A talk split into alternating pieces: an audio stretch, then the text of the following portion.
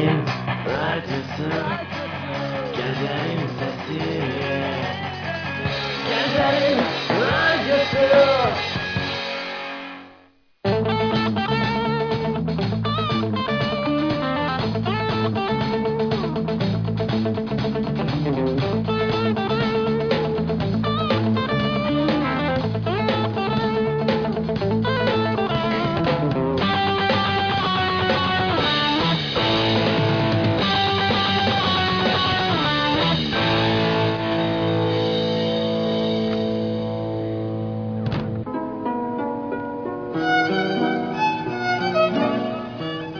ayında Ramazan söhbətləri.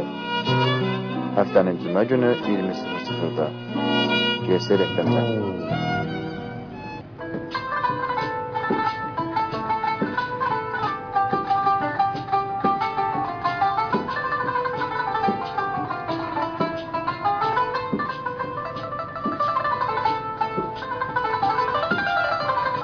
hər vaxtınız xeyirli olsun əziz dinləyicilərimiz. Bir illik fasilədən sonra yenidən Ramazan söhbətləri verilişi olaraq sizlərlə birlikdəyik. Ramazan ayını birlikdə yaşayırıq və Qafqaz Müsəlmanları İdarəsinin verdiyi açıqlamalara əsasən Ramazan ayının biri miladi təqvimlə 18 iyunda artıq başladı. Bu gün isə Ramazanın ikinci günü və ilk cüməsini birlikdə yaşayırıq. Bu isə o deməkdir ki, artıq Ramazan ayı boyunca hər həftənin cümə günü fərqli mövzu və qonaqlarla sizlərin görüşünə gələcəyik. Paytaxt vaxtı ilə saatlarımız 20:01-i göstərir və onda qeyd edim ki, bir ay boyunca mikrofon qarşısında sizinlə mən olacağam aparıcınız. Aydə Səlim. Ramazan ayınız mübarək.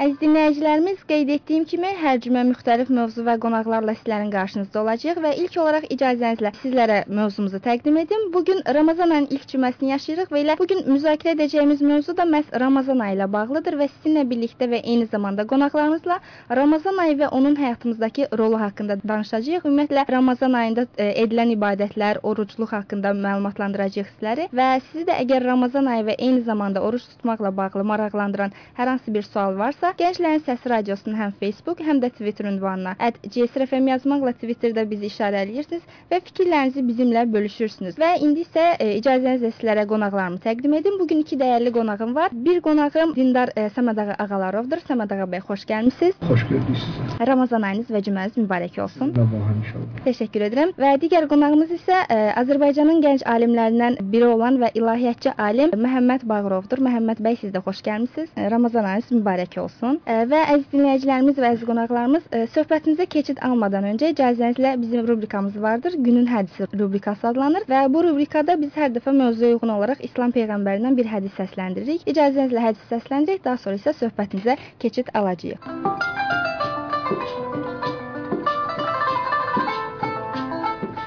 Peyğəmbəri Həzrəti Məhəmməd buyurur: Ramazan ayı Allahın ayıdır. Bu ayda savablar 2 qat artar, günahlar silinər. Ramazan bərəkət, tövbə, bağışlanmaq, cəhənnəmdən xilas olmaq və behişt qazanmaq ayıdır. Bu ayda hər cür günahdan çəkinin. Quran oxumağı çoxaldın. Allahdan öz ehtiyaclarınızı istəyin. Rəbbinizi tez-tez xatırlayın. Ramazan ayında oruç tutmadığınız günlərdəki vəziyyətdə olmayın.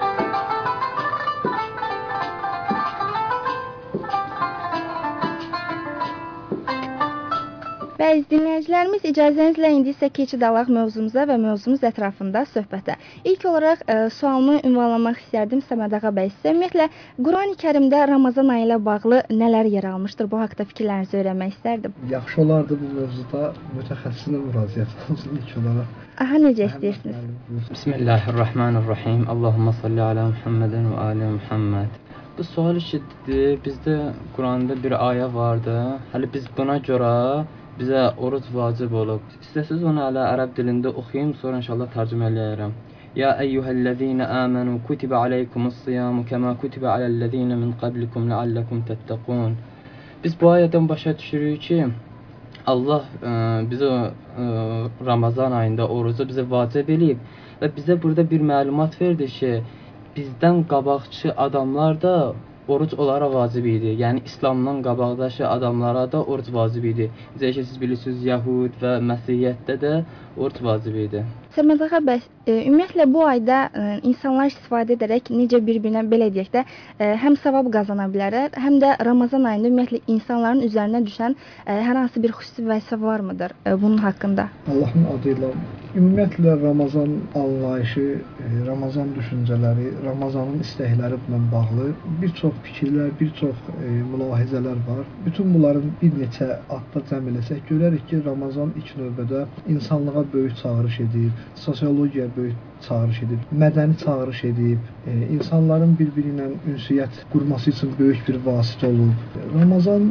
ayı ilk növbədə xüsusən müsəlman ölkələrində ailə institutunun möhkəmlənməyinə böyük xidməti olub. Bilirsiniz də bu Ramazan ayında bəzən vallah mən səmimi deyim, olur ki, adam var 1 il görmürəm. E, Ramazan ayının vasitəsilə mən bəzən o adamları müxtəlif e, qohumların təşkil etdiyi iftar süfrələrində və ya digər Ramazanla bağlı tədbirlərdə görüşə bilirəm. Bu da ilk növbədə e, bilirsiniz İslam e, bir-birinizi yoxlayın, bir-bir qohumlarınızdan xəbərdar olun çünki bu sizin ömrünüzü uzaldar e, ismarcı vermişdir.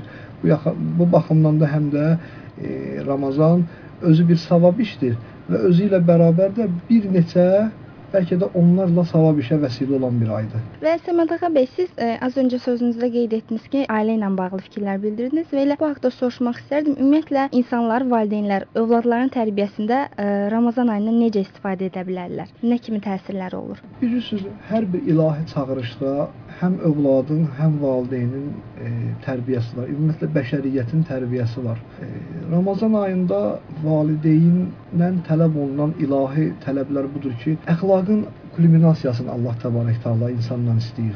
Təbii ki, valideynin özünün e, danışığına, davranışına Ramazan ayında digər aylara nisbətən daha çox fikir verməsi bunun özü bir e, övlad üçün tərbiyə metodudur. Çünki Allah Təbarək Taala müxtəlif e, hə, hədislərdə və ya e, digər ismazlarda buyurub ki, Ramazanda e, sizin bayaq hədis oxudunuz, Ramazanda başqa aylarda olduğunuz kimi olmayın.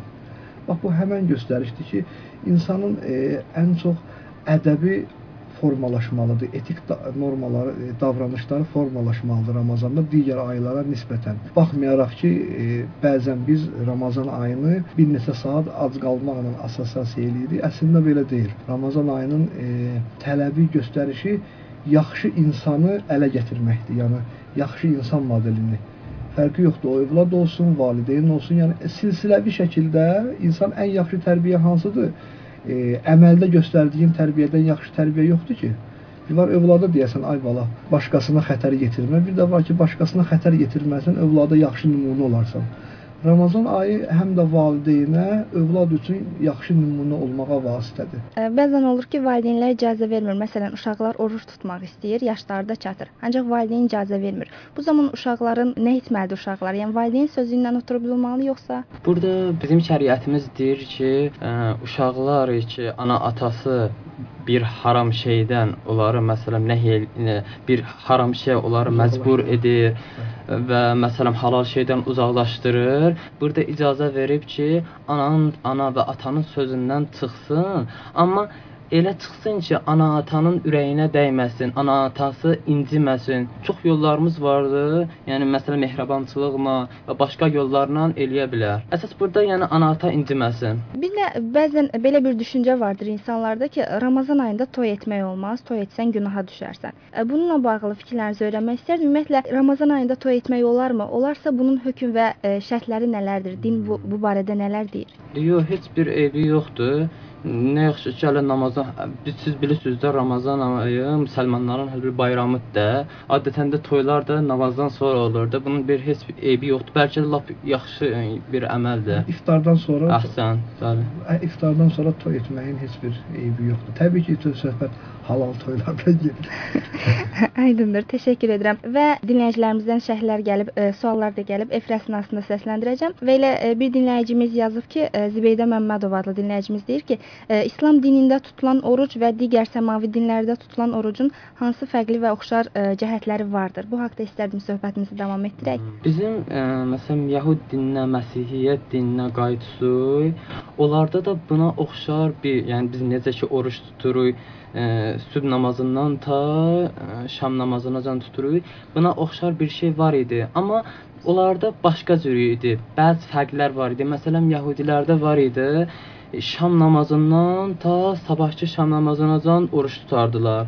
Bəziləri belə idi. Bəzi bizim dinlərimiz vardı ki, məsələn su yad içə bilər, amma məsələn ə, yemək yeyə bilməz. Bəzi ə, bizim oruclarımız vardı ki, ona deyirlər, yəni sukut orucu, yəni danışmır. Məsələn bir müddətdən bir müddətə qədər heç bir danışmırlar. Məsələn fərzlə bir gün. Bunlarda məsələn belə şey belə dinlərimiz vardı ki, yəni onların orucları bu cür nədir? Bizə siz bilirsiniz ki, yəni bunun tarixi maşallah e, bu orucluğun tarixi qayıdır, yəni Yahud Yahud və Məsihiyyətin zamanına.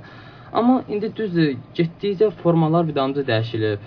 Yəni indi bu formada indi yəni bu axırıncı versiyası bu cür nədir? Belə deyək də. Bəs ümumiyyətlə ə, Ramazan orucunu niyyət orucundan fərqləndirən ə, cəhət nələrdir? Aha. Yox, bunlar fərqli oruc. Düzdür, keyfiyyəti eynidir.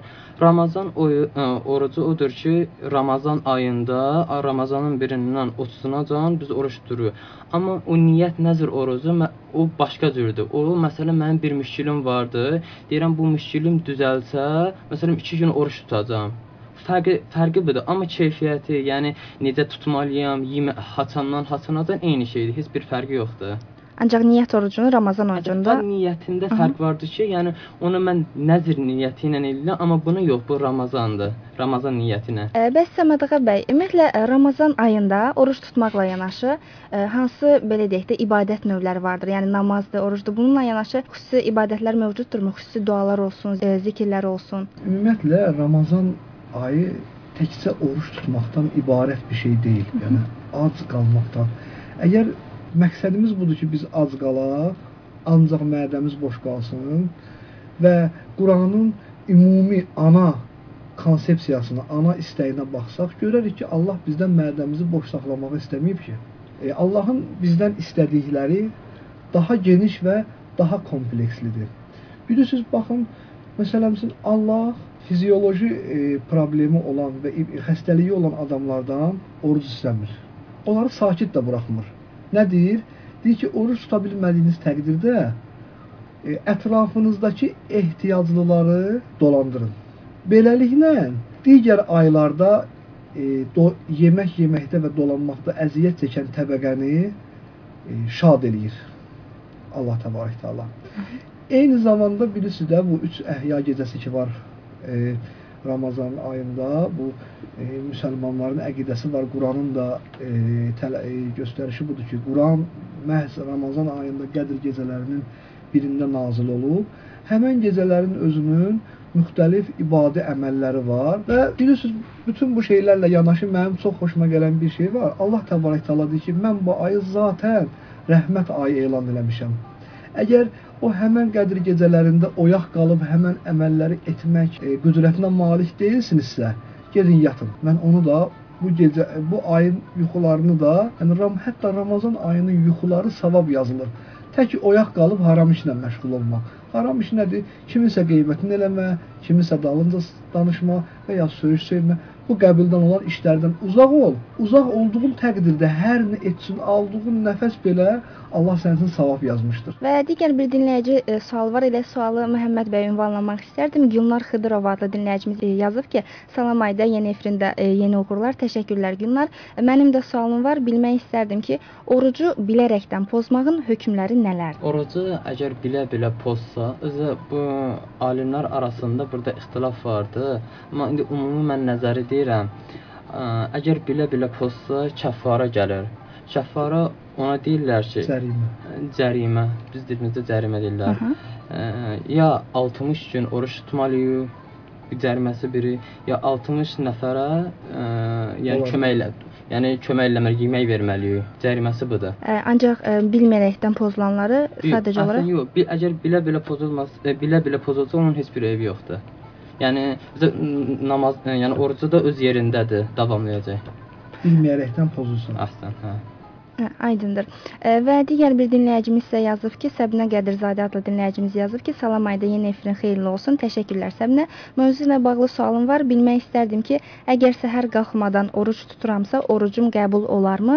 Və bir sualım daha var. Oruc tutan qadın kosmetikadan, ətirdən, dodaq boyasından istifadə edə bilərmi? Birinci sual ə, sual ki buyurdunuz. Əgər gecə məsələn yatmamışdan qabaq niyyəti vardı ki, sabah oruç tutacaq, onun bir heç eybi yoxdur. İkinci sual ki, dediniz, düzdür. İndi onda haramlıq vardı, amma oruca oruca batil eləmir. Yəni xanımlar e, makiyaj vasitələrindən istifadə edə bilərlər yəni, oruclu olarkən. Məsələn, e, özlərin kişilərə görsədələr, çölə çıxalar. Əgər o niyyətin olsa, orucun batil eləmir, amma e, haram iş görüb. Ə, niyyətdən asılı olaraq o zaman Əhsən. dəyişir. Ə, və mən sizdən soruşmaq istərdim Səməd ağa bəy, ümumiyyətlə Ramazan orucunun mükafatı nələrdir? Yəni bununla bağlı İslam dinində nələr yer almışdır? Vallah Ramazan ayının mükafatı bu sözün burasında İmam Əlinin bir çox mötəbər bir sözü yadıma düşür. E, bu barədə İslam məktəbləri, qeyri-İslam məktəbləri danışırlar. İmam Əlinin Allaha bir müraciəti vardır, İlahi Pərverdigara. Nə sənin cəhənnəmindən qorxub ibadət eləmişəm, nə sənin e, cənnətinə heyran olub ibadət eləmişəm. Mənim hədəfim Yalnız və yalnız ilahi sənsən. Yəni mən səni əldə etmək üçün çıxdım yola. Hədəfim sənsən. Bilirsiniz, Ramazan haqqındakı mötəbər sözləri bir yerə cəm etsək, düşünürəm ki, e, həqiqi Ramazanı yaşayan adam bir daha o Ramazandan sonra dəyişə bilməz. İlahi xəttə düşər və öz Allahını tanıyar. Peyğəmbərdən ki hədis var. Hər kim nəfsini tanısa, mən ərəfə, nəfsə, hər kim özünü tanısa, Allahını tanıyar. Yəni özünü tanısa, Allahını tanıyar. Yəni Ramazan insanı özünü özünə tanıtdırmaqdan yana bir aydır böyük bir mesaj verir. Hər bir insan bu ayda özünü tanıya bilsə Allahını tanıyacaq. Bir insan ki Allahını tanıdı, o tam dəyişiləcək. Onun gözündən, ağzından, qulağından və əməllərindən ətrafdakı bəşəriyyət amandadır. O heç vaxt pis iş görə bilməz. Ə, və siz qeyd etdiniz ki, ümumiyyətlə Ramazan ayı bir növ insanlara sosial mesaj da verir. Ə, bəs ə, ümumiyyətlə oruc tutmağın sosial tərəfdən insanlara faydaları nələr ola bilər? Bilirsiniz, e, oruc Ramazan mən e, bir neçə özümdən böyüklərdən eşitmişdim. Ramazan ayının e, ən böyük sosial mesajlarından da biri budur ki, insan ac və susuz qaldığı vaxtda ətrafındakı acların halını hiss eləyə bilir. Bilirsiniz də bu gün ətrafımız deyəndə dünya elektronik vasitələrin hesabı ilə o qədər yaxınlaşıb ki, biz rahat şəkildə Afrikanı da öz ətrafımız hesab edə bilərik. Niyə? Çünki biz müxtəlif şəbəkələr vasitəsilə Afrikadakı insanların bir qarın çörəkdən sarı həyat mübarizəsi apardığını görə bilirik. Biz nə edirik? Biz də mi ona əlimizi uzadırıq? O onlara azlıqdan quturuq. Xeyr, uzatmırıq. Niyə? Çünki biz e, İslam və müsəlmançılığı öz əhatəmizdə görmüşük. Amma onlar qəbul etməsələr də peyğəmbər bəşəriyyətin sonuncu peyğəmbərdir, nəinki müsəlmanların. Peyğəmbər qiyamətə qədər nə qədər insan yaşayırsa, onların hamısının peyğəmbəridir. Hətta onlar qəbul eləməsə də, mən ki müsəlman olmuşam, bunu başa düşmüşəm, deməli bu mesaja uyğun hərəkət etməliyəm. Bəli, ətrafımdakı ac olanın malik olduğu, mənsub olduğu əqidə və din önəmlidir. Önəmli odur ki, o başa düşməsə belə mənim peyğəmbərimin ümmətidir və mən imkanım çatdığı qədər onun fəryadına hay verməliyəm. Bu mənada sosial mesaj verir Ramazan. Ümumiyyətlə İslam özü sosial bir dindir. İnsanlığı mehvərində insanlığı oyadan bir dindir. Məhəmməd bəy sizə ünvanlanan bir sual var dinləyicimizdən. Tural adlı dinləyicimiz yazıb. Axşamınız xeyir, qonaqlarınızı salamlayıram. Təşəkkürlər Tural, biz də sizi salamlayırıq. Oruclu olarkən dişləri yumaq orucu pozurmu? Ən çox verilən suallardandır. Onu cavablandırmanızı istərdim. Yo, əgər diş macunu üstünə yəni qoyusuz fırsanın üstünə və salsız, əgər onu utmasız heç bir eybi yoxdur. Amma bir dənə də burada deyirlər bunun fırsanı saldınız ha dişə. Dişə salandan sonra çıxardasınız, biz salasınız.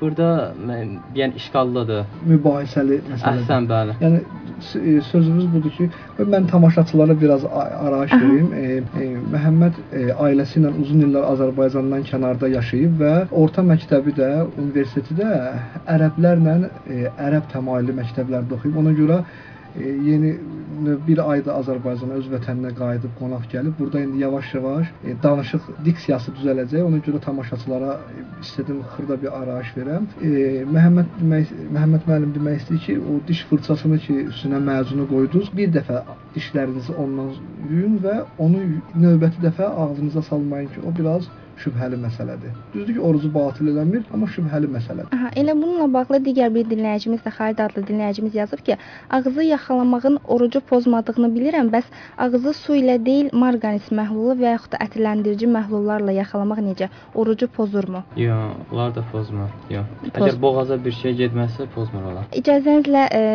xatırladım ki, e, söhbətimizə birazdan davam edəcəyik, amma musiqi fasiləmiz var. Musiqini birlikdə dinləyək. Daha sonra isə söhbətimizə davam edəcəyik. Əziz dinləyicilərimiz, siz də bizi dinləməkdə davam edin. Fikirləriniz varsa yazın. Biz səsləndirəcəyik, qonaqlarımız sizə cavablandıracaq. Gənclərin Səs Radiosunda Ramazan söhbətləri verilişində.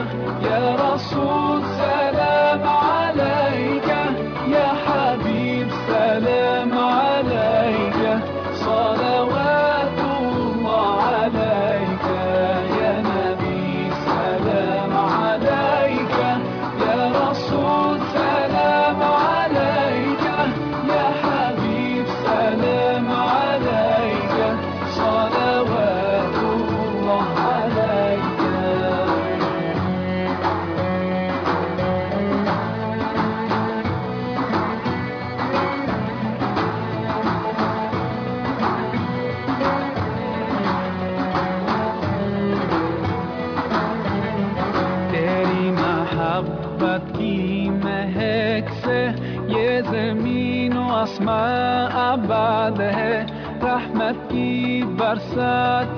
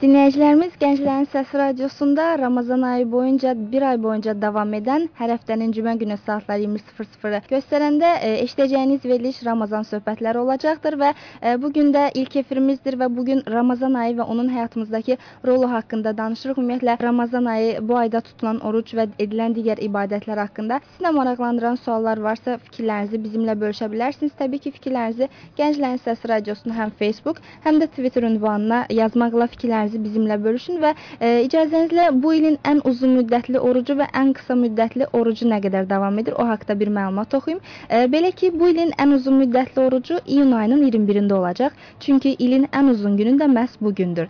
Ən uzun oruc Skandinaviya ölkələrində, ən qısa oruc isə Cənubi Amerikada qeydə alınacaq. Ən uzun oruc 22 saat 34 dəqiqə ilə İslandiyanın Reykjavik şəhərində tutulacaq.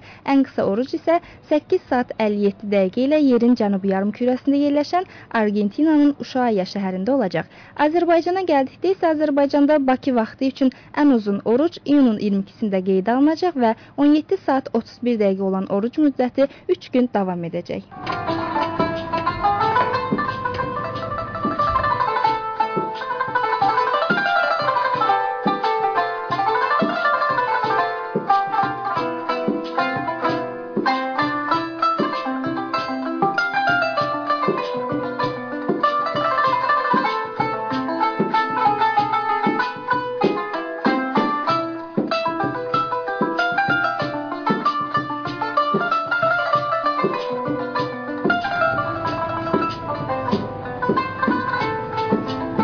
Dinləyicilərimiz, verilişimiz qaldığı yerdən davam edir və xatırladım ki, bu gün e, Ramazan ayı və onun həyatımızdakı rolu haqqında danışırıq. E, Qonaqlarımız isə Dindar Samadağı Ağalarov və gənc ilahiyyatçı alim Məhəmməd Bağırovdur və söhbətimizə qaldığı yerdən davam etmək istərdim və e, dinləyicilərimizdən də suallar gəlib irəliləyən dəqiqələrdə də onları səsləndirəcəm. Ancaq bir şey soruşmaq istərdim. Ümumiyyətlə səfərdə tutulan oruclar haqqında məlumat almaq istərdim Məhəmməd bəy. Ümumiyyətlə səfərdə olarkən tutulan orucun hansı şərtləri və hökmləri mövcuddur və ümumiyyətlə neçə kilometr məsafədən oruc tutmağa və ya tutmamağa icazə verilir? Səfərdə oruc tutmaq olmaz. Heç oruc tuta bil, ə, yəni heç bir oruc tuta bilmərik. Hətta deyirlər müstəhab oruc da tuta bilmərik. Bir dənə bir orucdan başqa oruc özüdür nəzr orucu. Onu məsələn mən ə, nəzr eləmişəm ki, bu gün ə, mən ə, yəni oruc tutacağam. Səfərə çıxsam hələ səfərdə də tuta bilərəm.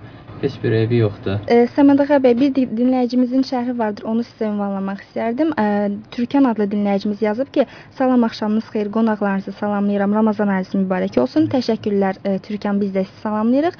E, qonaqlarınıza sualım bu idi ki, hansı hallarda Ramazan ayında oruc tutulmaya bilər? Səhv eləmirəmsə 25 kilometr yaşadığım məntəqədən Əhsən. uzaqlaşdığınız müddətdə oruc tutmaya bilərsiniz və səfər etdiyiniz yerdə 10 gündən səhv eləmirəmsə Məhəmməd bəy, bəli, 10 gündən çox qalsa orada oruç tuta bilər. Əgər 10 gündən az qalsa orada oruç tutmayacaq.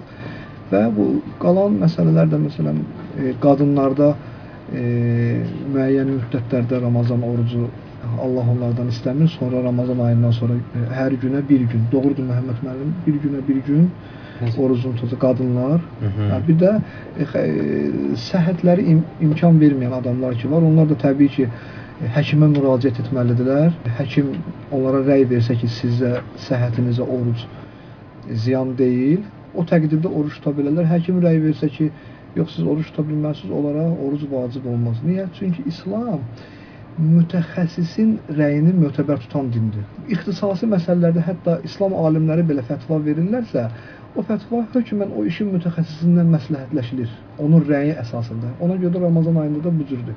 Səhhətinizlə bağlı sıxıntınız var, zəhmət olmasa müraciət edin inandığınız həkimə. Həkim sizə oruç tutmağa icazə verirsə, buyurun Allahın ayından bəhrələnin. İcazə vermirsə yenə bəhrələnin. Yəni onsuz da Allah sizi sizdən yaxşı tanıyır və bilir ki, imkanınız olsa oruç tutardınız. Və bayaq Məhəmməd müəllimin bildirdiyi kimi, e, oruç tutmadığınız günlərdə ətrafınızdakı ehtiyaclıları qane edin. Yəni onları e, yeməklə təmin edin. Aydan adlı dinləyicimiz isə yazır ki, əgər keçən ildən qəza orucum qalıbsa, qəzaları tutmamış bu ilki orucumu tuta bilərəmmi? Alimlər deyirlər ki, əgər sən e, keçən ildən orucunuz qalıb, deyir bir il Ramazan çatmamışacan tut, tutub qurtarmalısınız.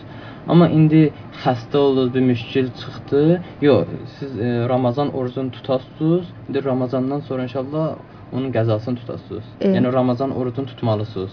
Aha, qəzası qalsa belə qəzası hə, Ramazandan sonra da tuta bilərsiniz. Hansı hallarda oruc batil hesab olunur deyə bir dinləyici e, sualda vardır. Onu Səməd ağa bəy siz cavablandıra bilərsinizmi? Bilirsiniz bu bu barədə kifayət qədər məlumat var. Yəni yemək yeməkdir, su içməkdir, səhv etmirəmsə Allahın və peyğəmbərin adına yalan danışmaqdır. Başı tamamilə suya soxmaqdır. Bu hallar orucu batil edər. Ə, bəs tam olaraq ə, duş qəbul etmək orucu pozmaz o zaman? Eybi yoxdur. Ancaq başı t- Yo, deyirlər ki, yəni sən bütürüm, yəni başı salasan suyun altına onda. Amma duşda məsələn hər yer islanmır axı eyni anda. Ona görə heç bir işgal yoxdur. Ə, aydındır. Təşəkkür edirəm. Birazdan biz yenə söhbətimizə qayıdacağıq və bizim ikinci rubrikamız vardır. Rubrikamız isə iftar menyusu adlanır. Ola bilsin ki, dinləyicilərimizdən bizi işdə dinləyənlər var. Hələ də iftar süfrələrini hazırlaya bilməyiblər. Tez bazar rahat hazırlanacaq yemək reseptləri biz səsləndiririk. İcazənizlə rubrikamızı səslənim, daha sonra isə söhbətimizə qaldığı yerdən davam edəcəyik.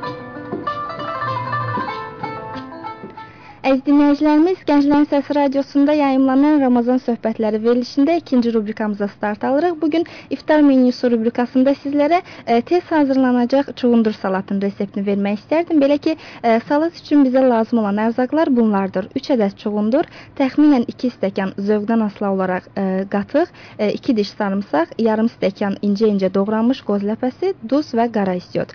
E, Çuğundur salatının hazırlanması prosesi isə belədir. Qazana yarıya qədər su doldurub çuğundurları yuduqdan sonra ora yerləşdirin. Orta odda qaynamağa qoyun. Çuğundur təxminən 50 dəqiqədən sonra yaxşı bişmiş vəziyyətdə olacaqdır. Çuğundurları götürüb soyması üçün kənara qoyun. Tam soyduqdan sonra isə onları soyub rəndənin iri gözündən keçirin. Orta ölçülü dərin qaba qoyun. Qatıq, sarımsaq, qoz əlavə edib duz və istiot vurun. Qaşıqla yaxşıca qarışdırın və süfrəyə vermək üçün salatı təxminən 2 saat soyuducuda saxlayın ki, bütün dadlar bir-birinə qarışsın və salatınız artıq hazırdır. Nuş olsun. Allah hər birinizin orucunu da qəbul etsin.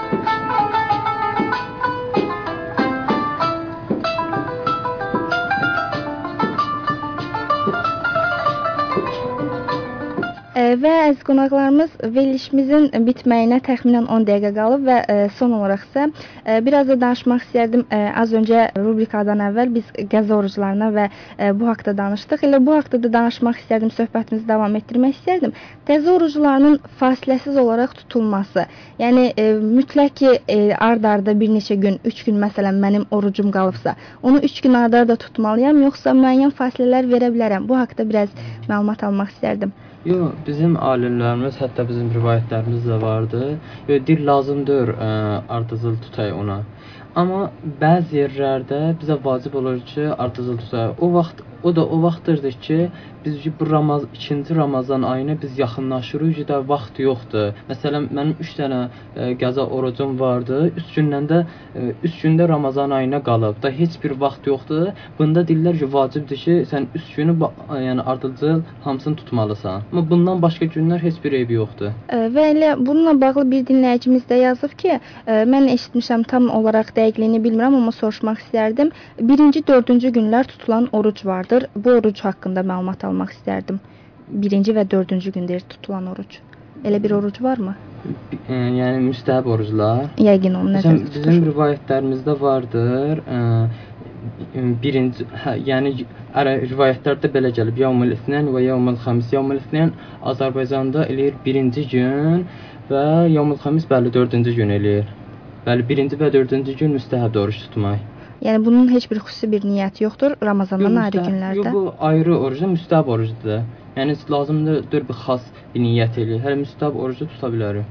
Niyyətimiz müstəhab orucdur. Aha. Ə, Bir dinləyicimiz isə Aydan adlı dinləyicimiz yenə yazıb ki, bayaqki dinləyicimiz, ə, mən ə, hər gün oruc tutanda niyyət etməliyəm, yoxsa Ramazanın ilk günündə etdiyim niyyət bütün ay üçün bəs edərmi? Yo yo, hər gün lazımdır. Deyirlər ki, hələ ayın baş, ayın başı, yəni birinci gün, hələ niyyət eləsə ki, mən bu bir ayı oruç tutacağam, kifayət eləyir. Amma hər gün də eləsə heç bir eybi yoxdur. Yəni kifayət eləyir hələ bir dəfə Ramazan Ramazan ayının başında e, niyyət eləsə kifayət eləyir başqa günlərdən. Ə, Səmədaxan bəy, digər bir dinləyicimiz Nurlan adlı dinləyicimiz yazıb ki, axşamınız xeyir, qonaqlarınızı salamlayıram və təşəkkür edirəm maraqlı söhbət üçün. Təşəkkür edirək bizdə sizə dinlədiyiniz üçün və deyir ki, Nurlan, ə, orucun kəffarəsi nə deməkdir və necə ödənilməlidir? Bu haqqda məlumat almaq istərdim. Mən kəffarə haqqında o lüğəti şey, verim, sonra Məhəmməd müəllim o barədə. Kəffarə yəni cərimə deməkdir. Aha. Orucun cəriməsini soruşur ki, nə deməkdir və Bəli. hansı formada olur və Mhm. Bu deyirlər bizim alimlərimiz deyirlər ki, əgər Ramaz Ramazan ayında sən bilələr, yəni bilə-bilə gedəsən orucu açasan, e, buna kəffara gəlir. Onun kəffarası ki, e, mən dedim, e, ya 30 gün biz oruç tutmalıyıq, ya da e, ya da 60 nəfərə, yəni 60 nəfərə kasıb, yəni yemək verməliyik. Bu Ramazan ayına. Amma əgər qəza ə, orucunda mən bilə-bilə yesəm yemək, yox, bu başqa cürdür. Buna deyirlər ki, bu, ə, 10 nəfərə yemək versin kifayət eləyir. Də lazımdır 60 nəfərə yemək verəsən. Bu qəzasına aiddir. Amma orucluqda olan, əgər yəni Ramazanda olsa, Ramazanda atsa 60 nəfərə yemək verməliyik. Son olaraqsa e, biraz da ümumiyyətlə Ramazan ayında qidalanma haqqında öyrənmək istərdim Səməd ağa bəy. Ramazan ayında ümumiyyətlə qidalanma, sağlam şəkildə qidalanma necə olmalıdır? Yəni insanlar necə etsin ki, e, müəyyən bir vaxt ərzində insanlar ac qalırlar və iftar vaxtı çox yeyirlər, bəzən mədəyə də e, ağırlıq düşür. Bununla bağlı. Mən üzr istəyirəm Aha. sizdən də, xüsusən Məhəmməd bəydən də e, elə bir məqamda elə bir adama elə bir sualı verdiniz ki, yadıma bir rəvayət düşdü peyğəmbərdən. İndi ki peyğəmbərin bir yanına bir nəfər uşağı gətirirlər, xurmanın çəyirdəyin daim udan uşaq ki, bəs peyğəmbər deyir ki, 3 gündən sonra gətirərsiniz bunu yanıma. 3 gündən sonra gətirəndən sonra peyğəmbər uşağa başına sığaltı getdi ki, övladım bir də e, xurmanı yeyərkən çəyirdəyini tutmaq olar, bir olar. Bir, aparın bir daha da bu işi eləməyəcək. Valideynlər soruşur ki, ya peyğəmbər, əgər bu qədər sadə idisə niyə 3 gün bizi gözlətdin? Siz gəlməmişdən qabaq bilməyərəkdən xurma çəyirdəyi mənim mədəmə getmişdi. Gözlədim tamam o mənim bədənimdən getsin. İndi mən özüm açığı, yəni qoy səmimi deyim də, yəni Ramazan ayında və xüsusən mənim Facebook səhifəmdə olanlar bilirlər ki, mən özüm ixtisaslı mühəndis inşaatçı olsam da yeməkləri sevirəm və durmadan yeməklər bişirirəm. Ona görə mən qorxuram ki, öz e, Ramazan rasionumu açıqlayım, insanlarda kökəlmə baş verə bilər məni keçir. Amma birisi də ən yaxşı qidalar e, səhər evdə hələ bu barədə biz danışırdıq ailəlikcən ki, 7 ədəd xurma Ramazanda imsakda və iftarda yemək məsləhət olunub, çox yaxşıdır. Ümumiyyətlə sadəcə bu gün müasir dövrdə birisi sağlam qidadan biz əziyyət çəkirik, təmiz qidadan əziyyət çəkirik. Mən özüm həkimlərdən soruşduğumu deyə bilərəm ki, onlar deyirlər ki, bazarın təbii şeylərlə qidalanın. Süddür, xurmadır, təbii baldır. E, və o adamları da biz yaddan çıxartmayaq ki, həqiqətən onlar yəni var bu gün bu ölkədə bu adamlar var ki, quru çörəklə, yavan çörəklə oruz imsaka dururlar, iftar edirlər. Allah onların da e, ruzusunə bərəkət versin, süfrələrin bol eləsin. Yəni əsas insanın Allaha imanıdır. E, süfrəsində nəyin olub olmamağı o qədər də fərq eləməz. Mən elə Məhəmməd müəllim gedim. Birisi də Məhəmməd müəllim atası da İslam alimidir. Mən onun yanında bir müddət dərs oxumuşam.